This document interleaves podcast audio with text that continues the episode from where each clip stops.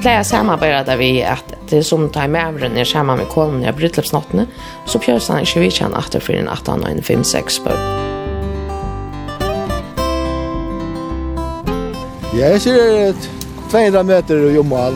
Så gläser det passar ner i røyringen.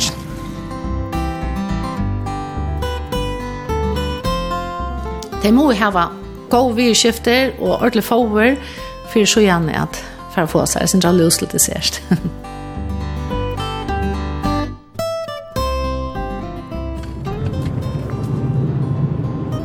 Gåan det, så er nokkur turer atter og skromne. Jeg vil øyne gå løt kort når jeg noen leie, streimer jeg meien, og jeg har just kort fram vi Avonon, her gamla kvelastøyner, vi tar man karakteristisk rei og bygningonon. Men her er øyne ånder reihus, Her arbeid verur vi avbjøvengon og selja losnon ui elvinne. Med landa arbeida klok høtt vi er finne av hvordan den bakengande lusen og i elven kan haldas nirre. Stort sagt verir arbeid vi at få nutja vitan som elvenan kan bruka og i gjerandstenon for at halda fram vi at menna seg. Vi kommer atter her, men først færa vi til Batehillen i Kvalvik. Her ligger dekspateren Andreas Reinert som fisker Elling Øyjord og okrar rønter er og skronni og i det. Hette er vi Tore og Tore og fiskeelling vi eier.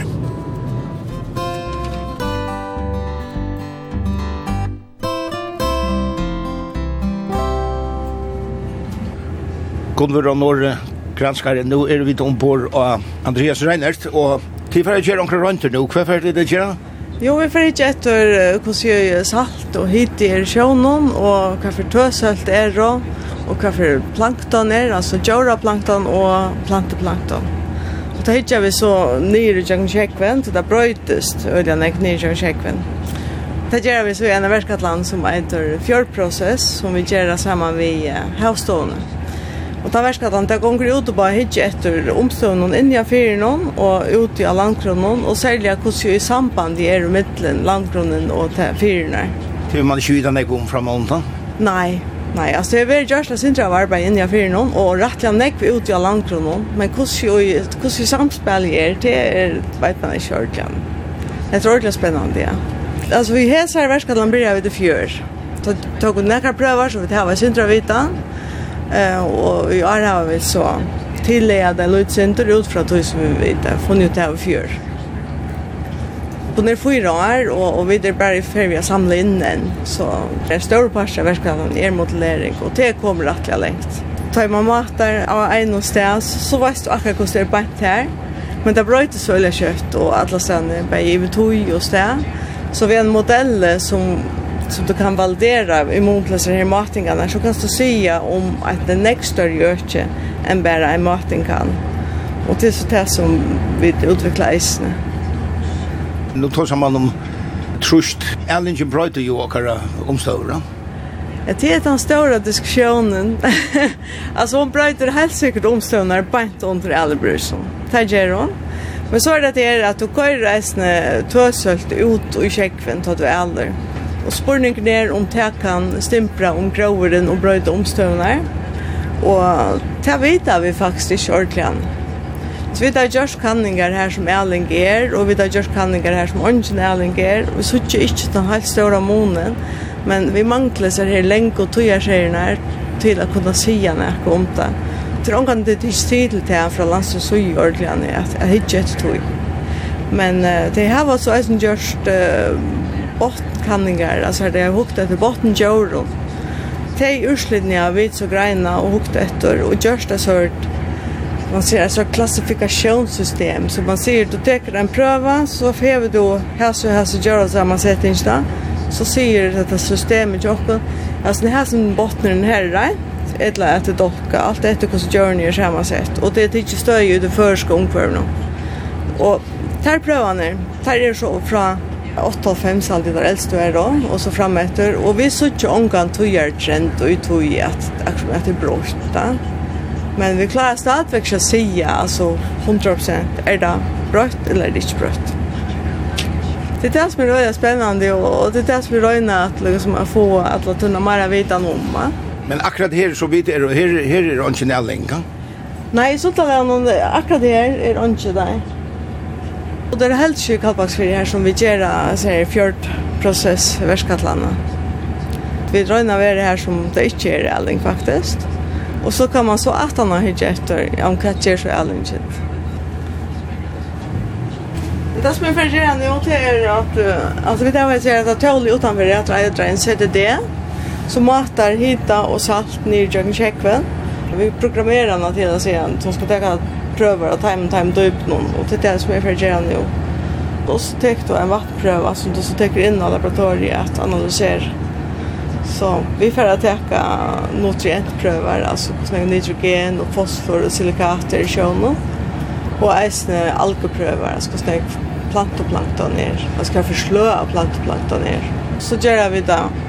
Tjekk noe her, så så gjør vi det, så kan det brøytest og så videre og skipar skipare ombord og Andreas Reinert er Jekvan F. Hansen, og Jekvan, jeg synes ikke at vi der utfri av honom her, så ikke sora vekkran er til dømes. Hvordan kjøpte dere her? Jo, nu får jeg den nærskaste 40 meter då upp i Erløy. Og får jeg långt sora, alltså så de fleste hans, så får då om man vill jeg 100 meter her det her. Og heter det godt skip til det, va? Jo, ja, det är gammalt skip, men jo, jo, i halt han är väl ägnar till det som vi brukar han till kursera. Han är sättare med länkar och knappt fyra bröjer så. Stallbader, ja. Han är byggt svörgera. Så är han köpt till färger och över utrörbader, lundbader. Och så sist jag han här, han blir brukt till granskningar för här, till. Det är tålen som vi marieras vid, det kräver att det är nog så gott väver. Och i morgon är gott väver. Ja, i morgon är det allra fackrast ja.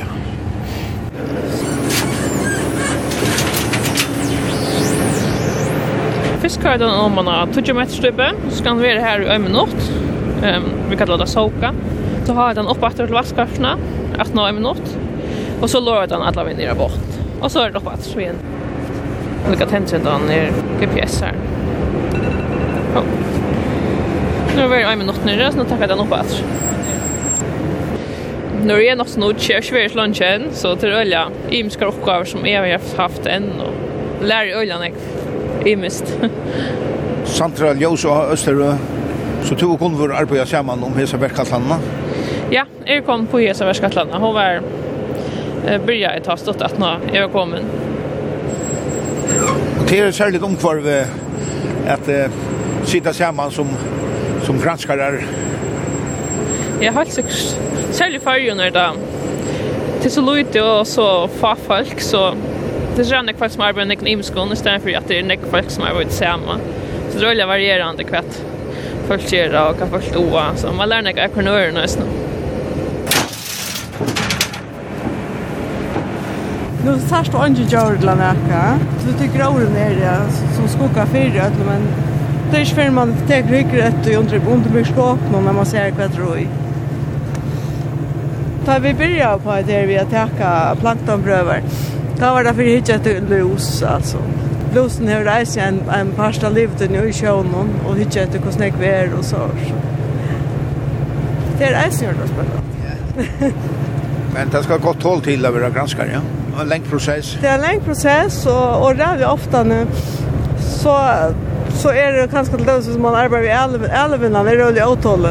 Och jag åker när det, det täcker ett år att sampla ganska och så tänkte jag att jag analysera och finna det och hur ser det ut här mot lära sig och så här.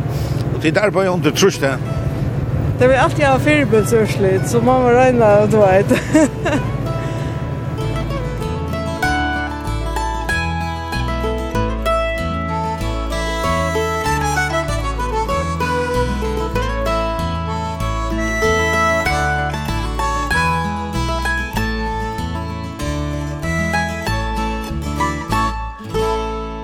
Johanna Lava Køtlund stjåre i fiskeelling.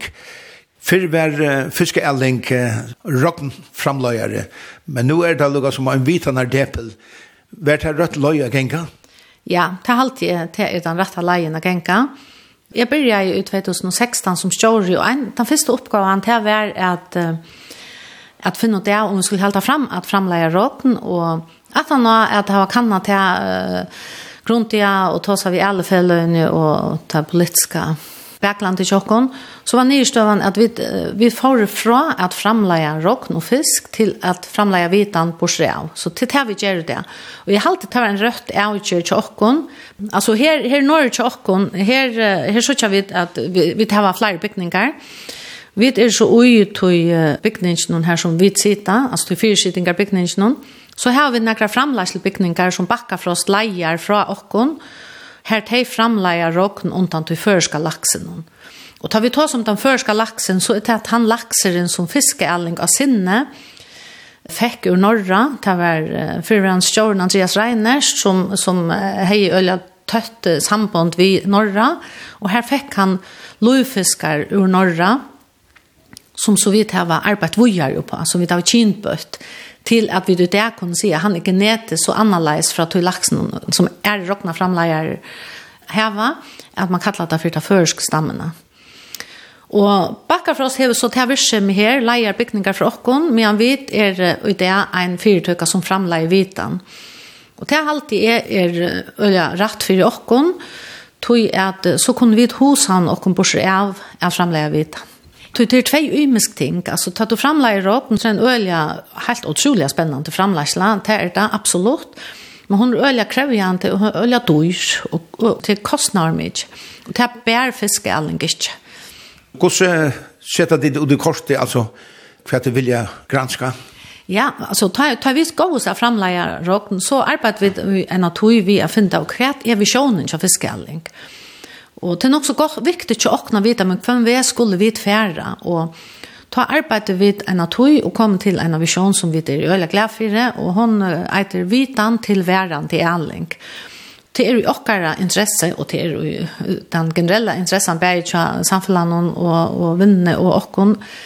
Elvenan er, hun er blitt så øyelig stor, Og vi som har arbeidet i elven nok så langt, vi vet eisen godt at det kan genge gruelig gale.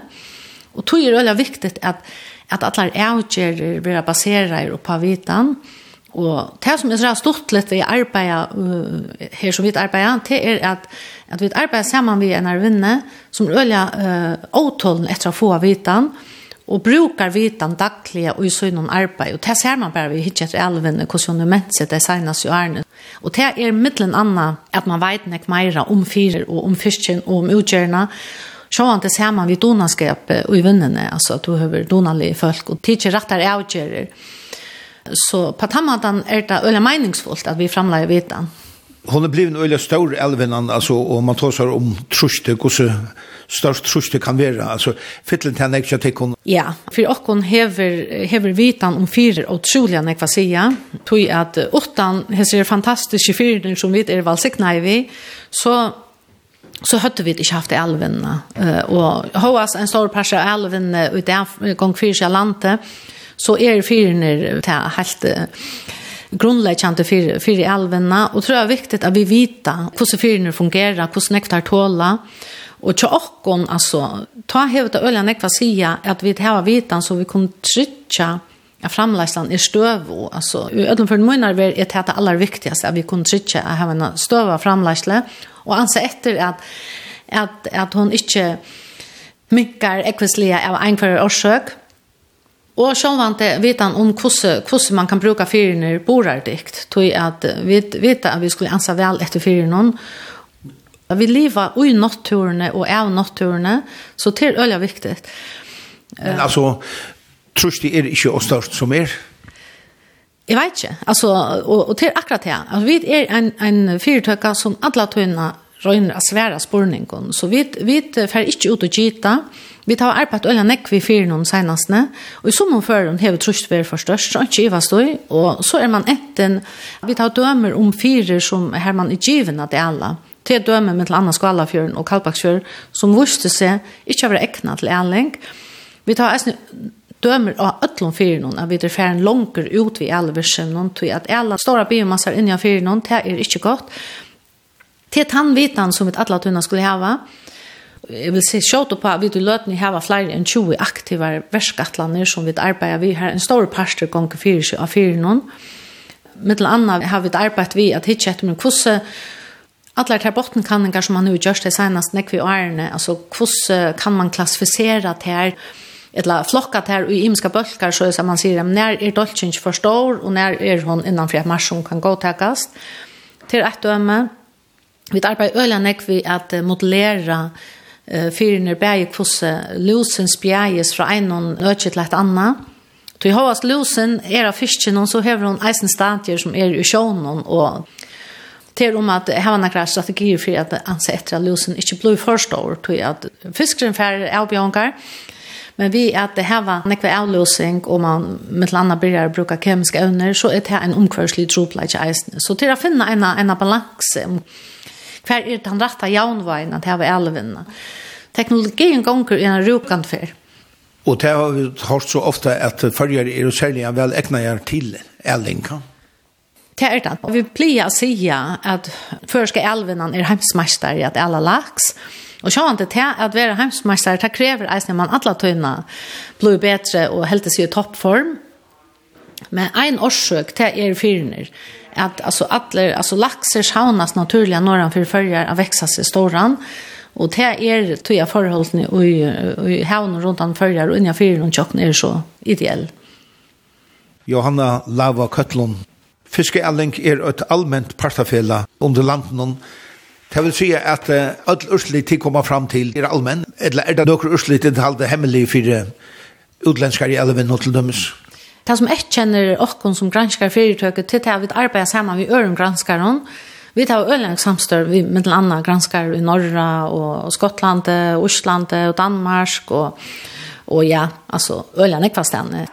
Og all vitanen som vi framleier, hon verir allmänna kunngjørt, altså publicera vi Vøstalin tog jeg litt om. Tog vi arbeid sammen med øren, og til at kunne gjøre at det er vi til at gøske trykja, vitan til åkken, hever en av oss av gøske, og at arbeid vi just ut fra en metode som er gøske trykja. Det som det eisen gjør åkken, er at vi gjør til, så får vi eisen vitan fra øren, som vi kunne bruke her hjemme, tog at Det er ikke vi som skulle oppfinne at han jobba til resten, enn av fra tre. Men vi skulle deila til vitene vi ånder. Så det er løs vi arbeider. Det som er øyelig viktigt, og særlig er eisen viktig til elven, altså det er kvosse, kvosse fyrner og sjekkeren eller vattnet og smålstøn og avvirka fisken, og at trytja seg at vi tar en, en fisk som trues vel fra råkne til han blir slakta vi. Så vi tar øyelig eisen nekva verskattlander som, som fokuserer og fiska velferdene. Musikk en av tøymon som sitter her i loften i fiskeelling og granskar er Trønder Kragesten, og han hever PhD og i smitt og spjæring, og til selja lusen, lusa trobolagen og i elvene som oppteker han her, og Trønder Gosser gong da vi lusa trobolagen i løtene. Som heilig kan man si at lusa trobolagen, eller hva for mongten av lus under fyrrjun hever minkant i årene. Da kom vi fram til äldre som var här fyra att Tvejo var faktisk utfra som vi brillon hit et lus så var det det beste året så jag man började tälja lus i ja 2020. För att hur görs det att man har ju tagit sig på omhändan stora troblökan? Jag tycker en stor grund är till att man är blivit bättre att huxa om att planlägga sin utsidan i förhållande lus och Och särskilt att det här smalt det blir större och så det här där minnet tog ju sjön om till öliga när jag säger för hvordan nek vil som klarar oppbyrja seg en eldre steg. Og så alt mulig annet, vidgerhotter og, og planlegging. Hva er din arbeid til vi på nå? Jeg har en, blir på en masteroppgave vi fiskalling i 2016 og ta var anker lokka med å gjøre vårt arbeid om, om lus og her ble vi lukket som hengende, så eh, lusen er altså, er ble en sekundær parasitt så er livet av en er parasitt så so, vi arbeid mest vi hittir etter gus lusen spjæs ui sjånen, og så hittir eisen etter gus tan så vi rakta at det er aldri øyge, så hittir etter gus kjøtt om vekser, og, og hva hender hvis du gjør en vitjer, så er det er det nekva larver ui i noen eller omran, og det her setter seg av at det, og det her er nekva dynamikker at setter seg nøy. Vi tar et åretag som sier bare lusen utländsk er, men lusen er nok så lokal skilja, ja? Jag har fattat han då som nu det skulle vara öde løy hvis hun ikke var uh, lokal.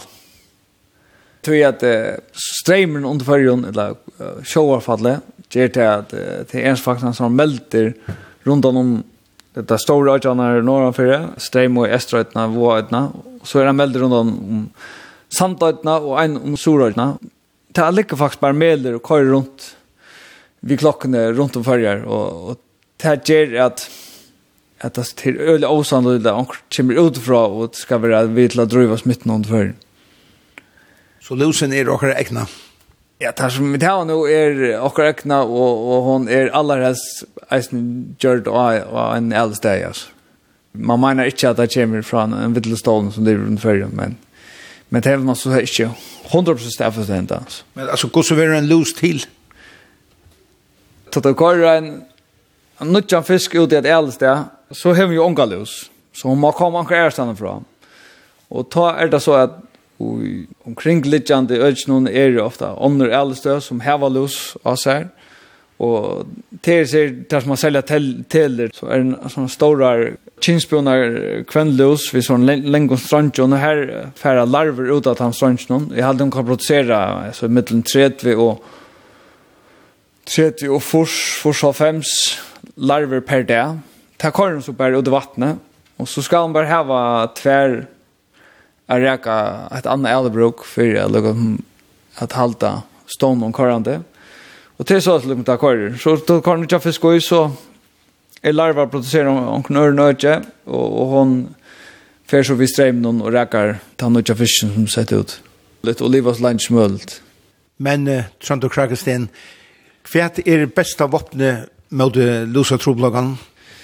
ta du sätter fisken och så häver den ju onka los av sig. Så allt som får för att losen kommer av fisken blir ändå är öliga gott och att som där brukt flera sånt er så kyrst det då kan du grunda om om ringen eller ringarna att det är att du kan ska samla fisken och i färre ringarna börjar vi ta sig allt all liksom fylla minne så är det minne av ja, vattnet som räkar i all ögel det skulle så görs det att du fick minne av lus og øtje. Hitt er det som han har gjort her. Så var vi sånn lukkan Anton, det er jo Vursa var øyla godt eisne, så her kom Vursa kom av sindra lus vi innoi, til man teker vatt fra, det er sindra djupere vatt, Så här är er allt här finns några lås där kommer nog men så hooksar man ganska att så för låsen explodera men vattnet vi skiftar ut så jävla ofta att det är inte så där så att at lusen kan växa exponentiellt in i ryggen till att hon, hon ska bruka henne ja, middel 2, 5, 6, 6 dagar och hon blir smitte för så, så tar en längs framför en ur tarmringen. Och annars är det sort röntgelse och, och sådana matar biologiskt konsulera lusne och och så är det så är det enda ter eller mekaniske vidgjerne som man brukar för att hålla under kontroll.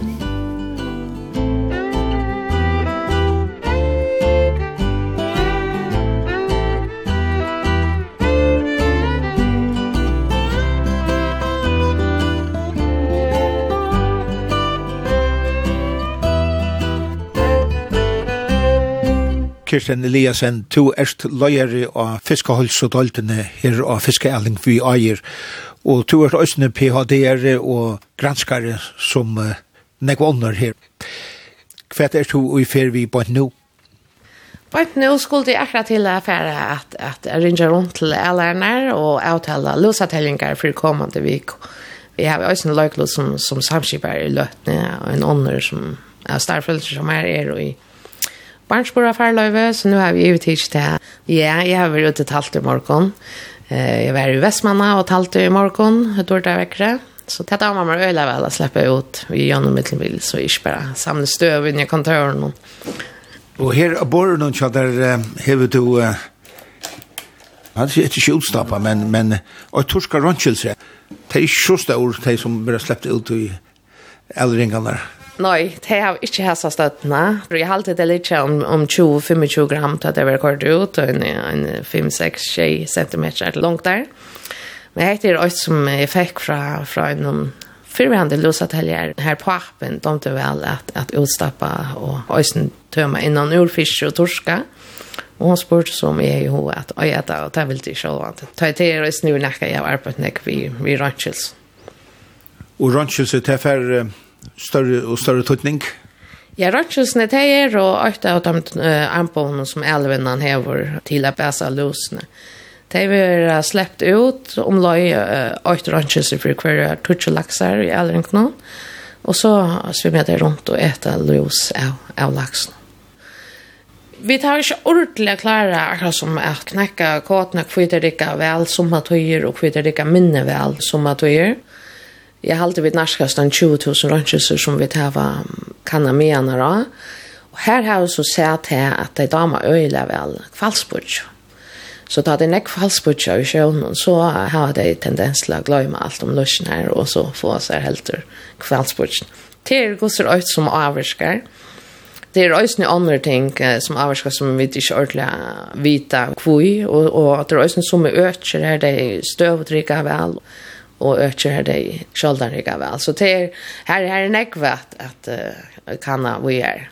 Og det gör det Ja, det gör vi. Vi har et, et kjempestørst datasett, men det är självant alltid tøyen som er den avmarskante faktoren har man haft tøy og orsko til at hukt mer på hese tølene så har man oiva blivet vel klokar.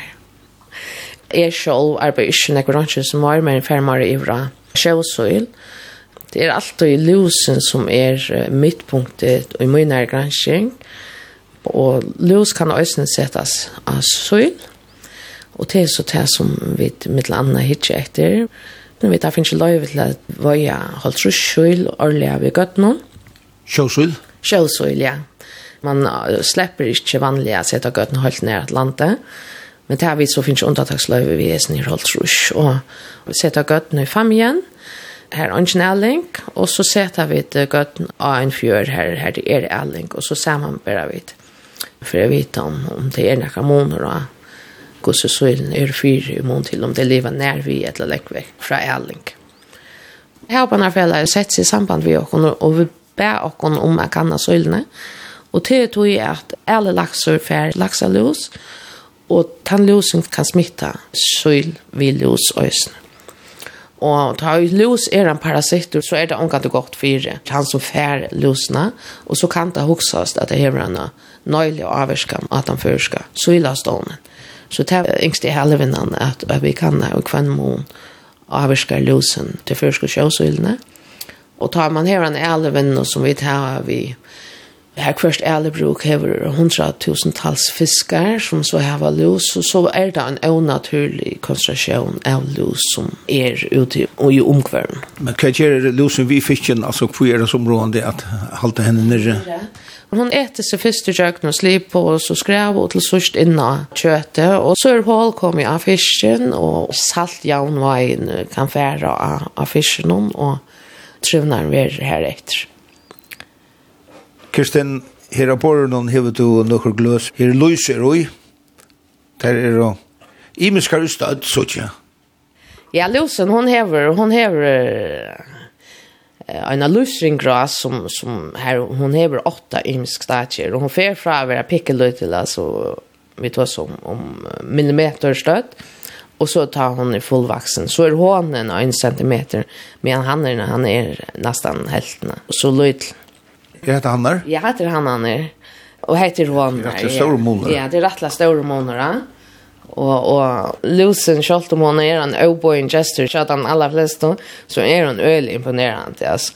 Og, og alt som har vært opptidt av oss nok som jeg i søgnasene til er at det er så effektivere altså, så øyelig nekvun økjon, og mitt annet til at, at han er en, han kan koppere seg vid hånene, alltså faktiskt är hon blev en kinspekven så här hon två så här helt till under någon klar till att han en för ver kinspekven och så här hon nog och så till flöjre orspor plejer samarbeta vi att som tar med ävren er samma med kolmen i bröllopsnatten så pjörs han ikke vi känner att for en 18 och en 5 6 på Ich bin da.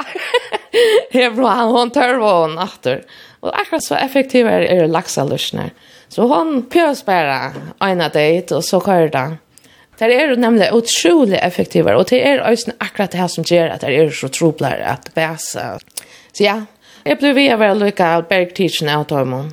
Vi halta vi det er så umetelige skillnader men men vi klarar sig knäcka lösna lycka väl. Hur skånk det halta nere? Alltså det gånger men det är en evig kampor. Man ska alla ta in när vara i fet eller två framför det. Du klarar det. Ja, det här måste massan spela allven om. Jo, jo, jag har alltid till er till rymla gott stå i råan. Alltså, men det är det största arbetet.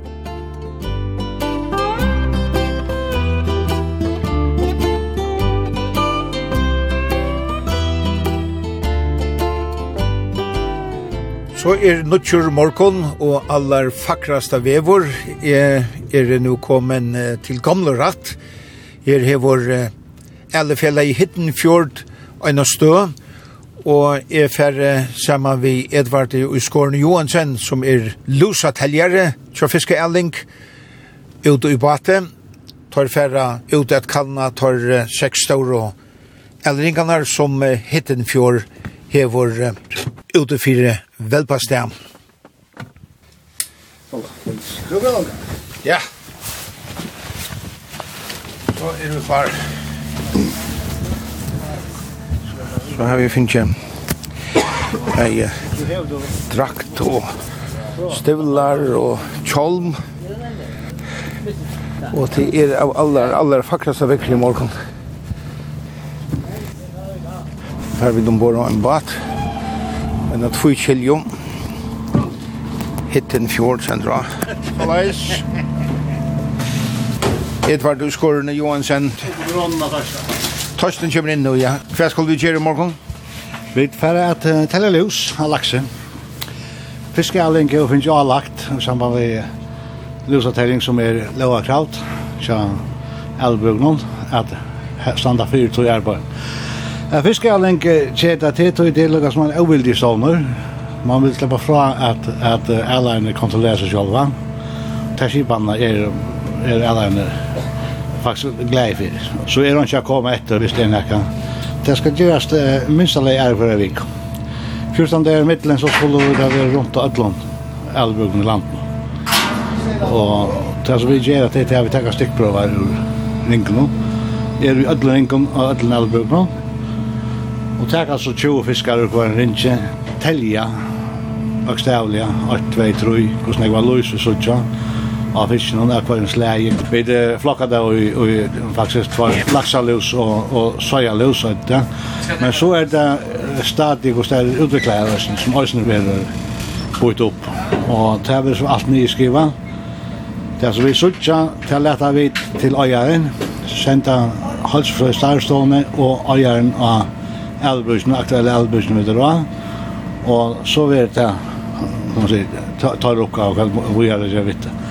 Ta det nek løs under brukjen, ta, ta som man kanskje ikke og harst om det. Det er jo ikke for å ta sånt, det er bare allmenn. Alt kan sånn det, hvis det bare vilja. Jeg tror ikke å si hva det er for løyte, det kan det finne det selv. Men det er mark, du skal ikke ha mer enn en, det er 1,5 kinsbygg, eller nå er det vaksen kvennløs, altså det er bare kvendur av laxalösning som, som avgjort här matchen. Ta en kinsbygven og och klara guita. Og det skal så være ein per fisk. ein, og om sommar er det faktisk bare en halv. Da man hever, hever matchen så lågt så råknar vi at att smittetrustet blir till lagre i ösnen. Så det var jo færre individ till at, att producera nytt. Alt hos skulle ta ut här är att fisken ska få det bättre. Och allt annat lycka omfram till fisken för det bättre Det var det som var ferie.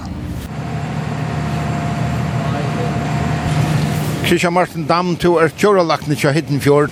Nå sykler vi så ut til Ringhanar. Vantar du at uh, sånn lus om morgenen? Nei, det vant jeg ikke. Fiskene er ikke ved sjøen i måneden. Så det burde ikke være noe lus kommende enn. Det er eisen noen rett lydig av lus og i fargen akkurat for tøyene. Var sommer, det er noe slag tøy ved lus. Och så öste de mot häste och vet det så blir allt hade där nere hästen ja. Om man tar så som halt alltså är Lusa Troblogen stora så elvenne. Ja, nu snär är stor plava rätt till elvenne i färjan och, och i norra och landet och maken ja. Det är Lus står i öjan ekväl. Det är ju så att medicinen är inte så väl som det har gjort. Det är motstånd för det. Ja. Det som jag rikar, det synger på det allra sista. Det kan brukas vid öktar dåse. Hon var rundan för nära lejer som vitcher åtta han brukar medicin, de amerikanska vitcher. Och så rensefiskar, röntgelser. Det har vi inte sett ut här än, röntgelser, men vi får kvar röntgelser här. Det är tolma ötjensna lös, vi hade äta på skäva. Det gör så att man brukar mindre medicin. Ofta har det kanske varit brukt onägg.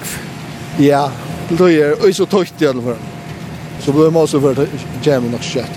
Det er ikke noe alternativ langer, men uh, hittene vi har satt så tenker på storsmalt, og så sutt av tog i sjøen, og så var brakkledging, så vi liksom nullstidler etter da.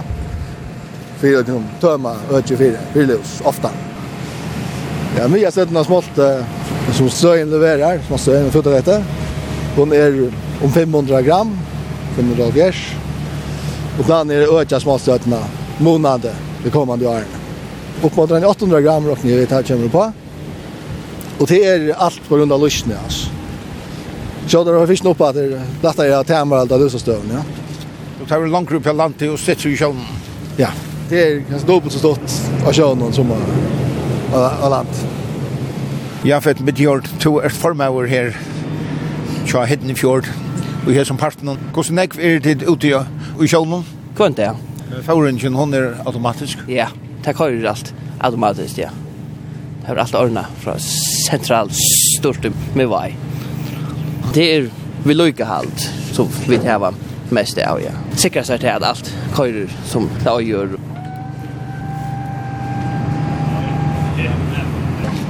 Kanon.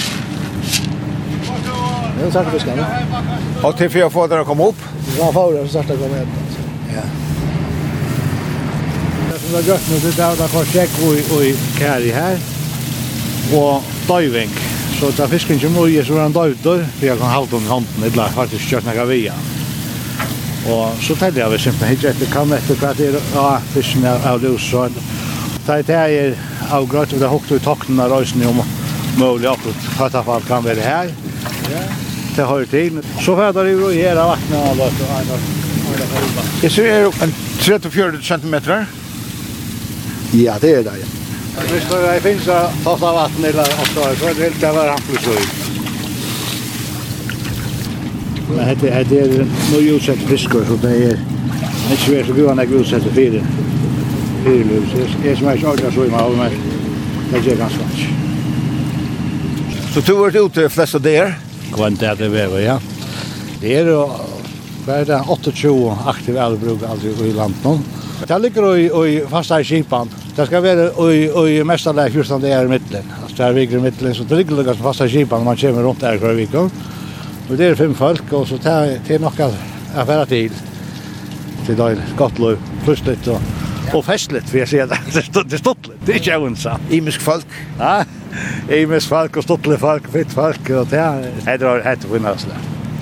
Christian Martin tar du ju stora så den kan det så det kan ja så 200 meter i jomal Så gläser det passar ner i range. Åh, fan. Men åtta andra brukar 204 det är snäs. 264 ju än. Lyssna, där ser det ofta att jag sparar någon. Att han för fint fjörn här och gott fjörn här nere. Och annars under fjärran och ångt ångt färda in takten där. Här som minst mest av er av strejm. Det är så mycket klokar. Oj ja. Och det är så klokar at det klarar at kamufleras i øysene. Nu er det finnes røntgeser i ringene som etter løs, og man påstender til at lusen hon skifter litt, hon blir jøgnsiktig. Akkurat som alt annet i naturen som, som kamufleras etter hvordan naturen ser ut. Så Edvard, dette blir jo seks nuller, tror jeg. Ongen lus, er det vanligt? Nei, det er ikke helt vanligt, men det, det er stått litt. Det er øyla, øyla godt bæg for alene og Øysen Jokken, men Jokken har skrasset at han var løsatt av teltene, vet du. Men det er ikke, ikke ofte det kommer fyrir. Nå er jeg veri noe av et sånt nu i snir, og jeg var ikke, øyne for var ikke visst at jeg har sett det fyrir. Og så nu, det var ordentlig godt, ja.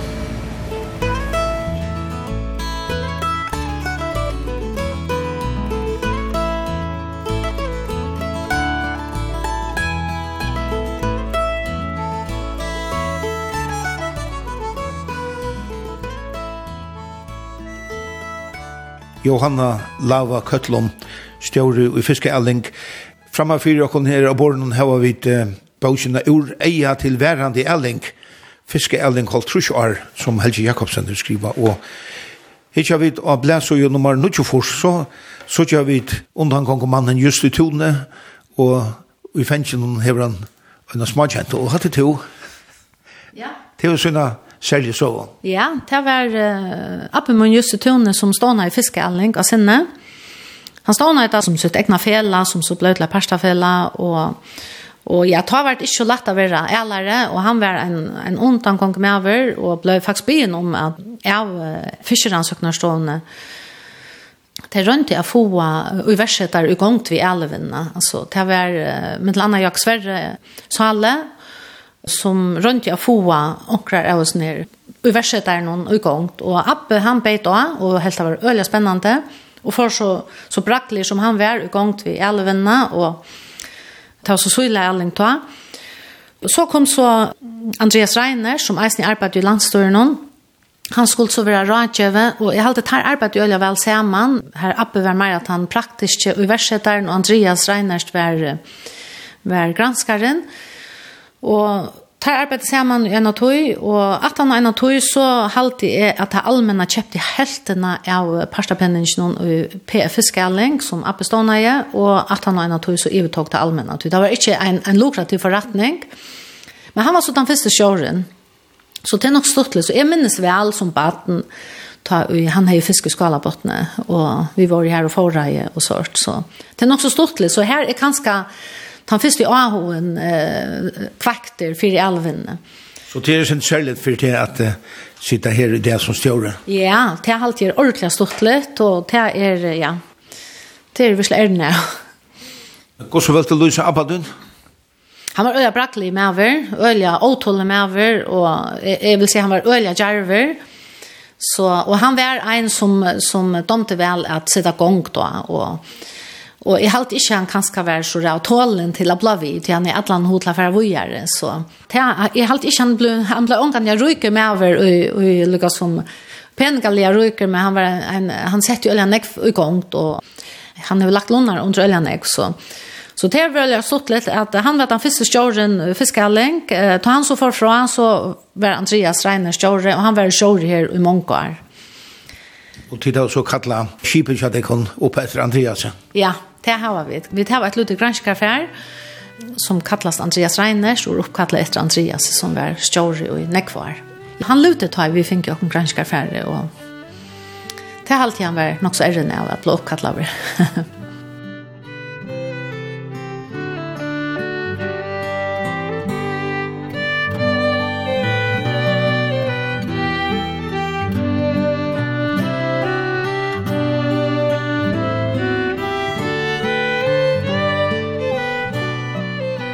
En av tøymon som er i holdt vi PHD-verska atlan er av fiskeavling er Heien Abrahamsen. Og Heien, hva er dette for en verska atlan kjent her? Du vet, det er en verska atlan som skal kunna forutsya hver aldergjørst rak er. Aldergjørst rak er et fenomen som Det er ikke har hoksa seg av noe omfyr, men det byrja faktisk her av Sande, da det sett ut her første fyr. Da fann man det av at rum i nøyden minka i rettelig negv det første året. Da det skjedde ut at neste år, det var seitjan. Da flyttet det langere inn, men da ble det så vi møtte jævlen rakter av en ekvelig høyre rakje som nesten drep alle fisken, altså. Da høyde två ringer, og andre ringer var nesten alt ekt, og så finner det lusende på tjur hinn. Det som vi kom etter ta, det har vært at da det bryter om båene sandet, så Hvis alt han ble nøy høy vestan fyrir. Så bryter det på meg her, og, og alle tar sjekkveren, han skal altså utatter øysene, så han fer i noen eggvislige hørende rakje tverste rom av vanna, og først utatter av Estarsøya av vannet. Det her gjør så til at, at rom i nødene minkar, fiskeren blir trångt oppe i, oppe i nøytene, og hvis han kommer et nødene, så fer Rossland, så klarar han ikke alle saltene ut, så døyr han. Alltså rum i noten minkar, hos man Til dagliga så vi verur noten heldig nirri i sjånen av en søkringe, og så da det kommer et kraftig rak fra sojene, så klarar søkringen ikke halda henne nirri, så lesa søkringen vi litter opp under rakenen. Og så verur minne minne plass til fisken. Det er sjået at det er var rostelska skjer og av fisken, og særlig er det sojene. Han røyner jo å svimme rundt i nødene. Så Sands var spelar en stor løglåte ut til nærverkatland? Ja, hon har faktisk alt grunntallet i mørle minne. Det er som vi alle har gjerne, det er å kunna se et teltemodell opp fire rake. Og kan man få at det virka av sansva, ja, så kan man færa vågjere og prøve å hitje etter hver, hver er av øren, herbelen og økken. Altså et nu, har haft några händingar i Fråpa som var rättliga dörrar. Att allt breit undan om ena grinden. Vi serva i hava drøys ni haft nokkur underlig fenomen som dør ikke ordentlig vita hva etter hent. Når jeg var ikon, ikke om at hella her opplevde drøys ni at ut orda vegni så plutselig så kom en, en, en kraftig streimet først vi at jeg miste bøy. Sveisa bare at det var mulig mot leibeland. Det var så flekkan og tog en lå her enn. Så det er et, et fenomen som kommer ta i alt det er, altså, i sjøen. Hva er det du skal finne det? Jeg skal røyne finne det hver et rake er mest vantande, så man ikke legger ringene her.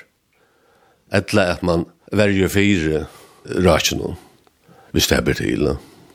Du førte ut og gjerst praktiske rønter?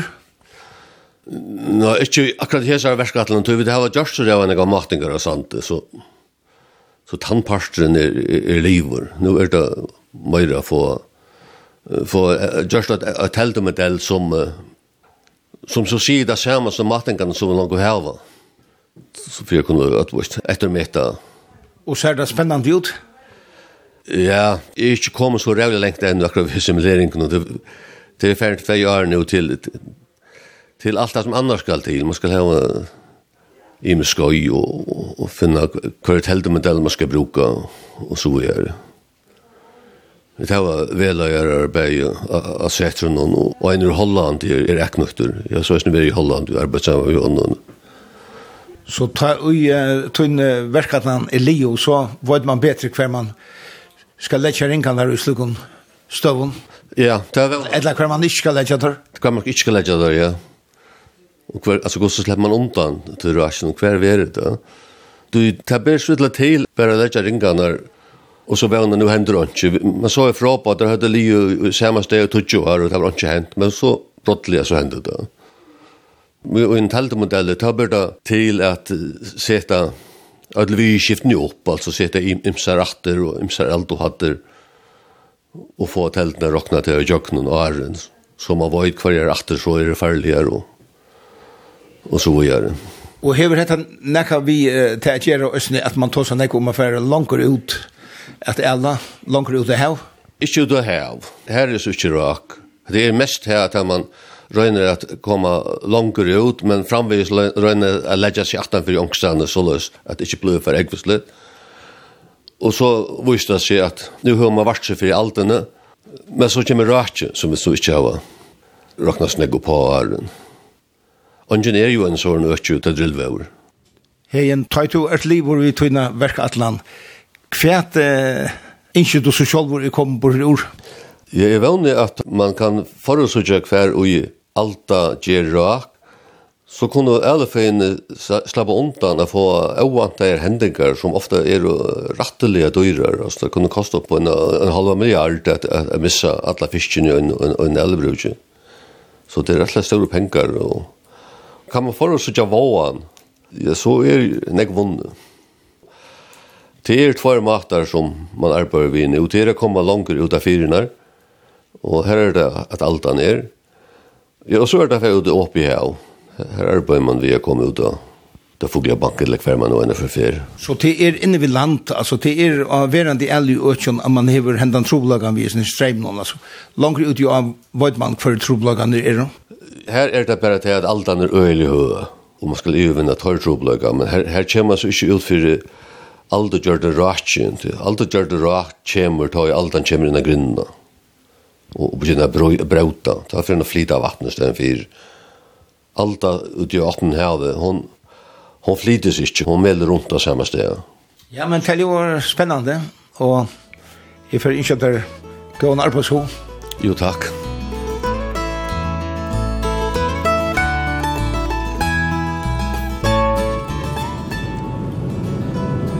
Hetta var så turen og idé og hun har vært at høyre om uh, omfattande arbeid, at få nutja vitan som alle elvinnan kan bruka og i sunnen arbeid, ikkje minst i strunnen at bæsa laksadosene Hesen turen av Fiske Elling vi eier er atur at høyre torsdagen klokkan 11 og leierdagen klokkan 4, Og av heimasynet kja kringvartnån ber òsne til at lusta.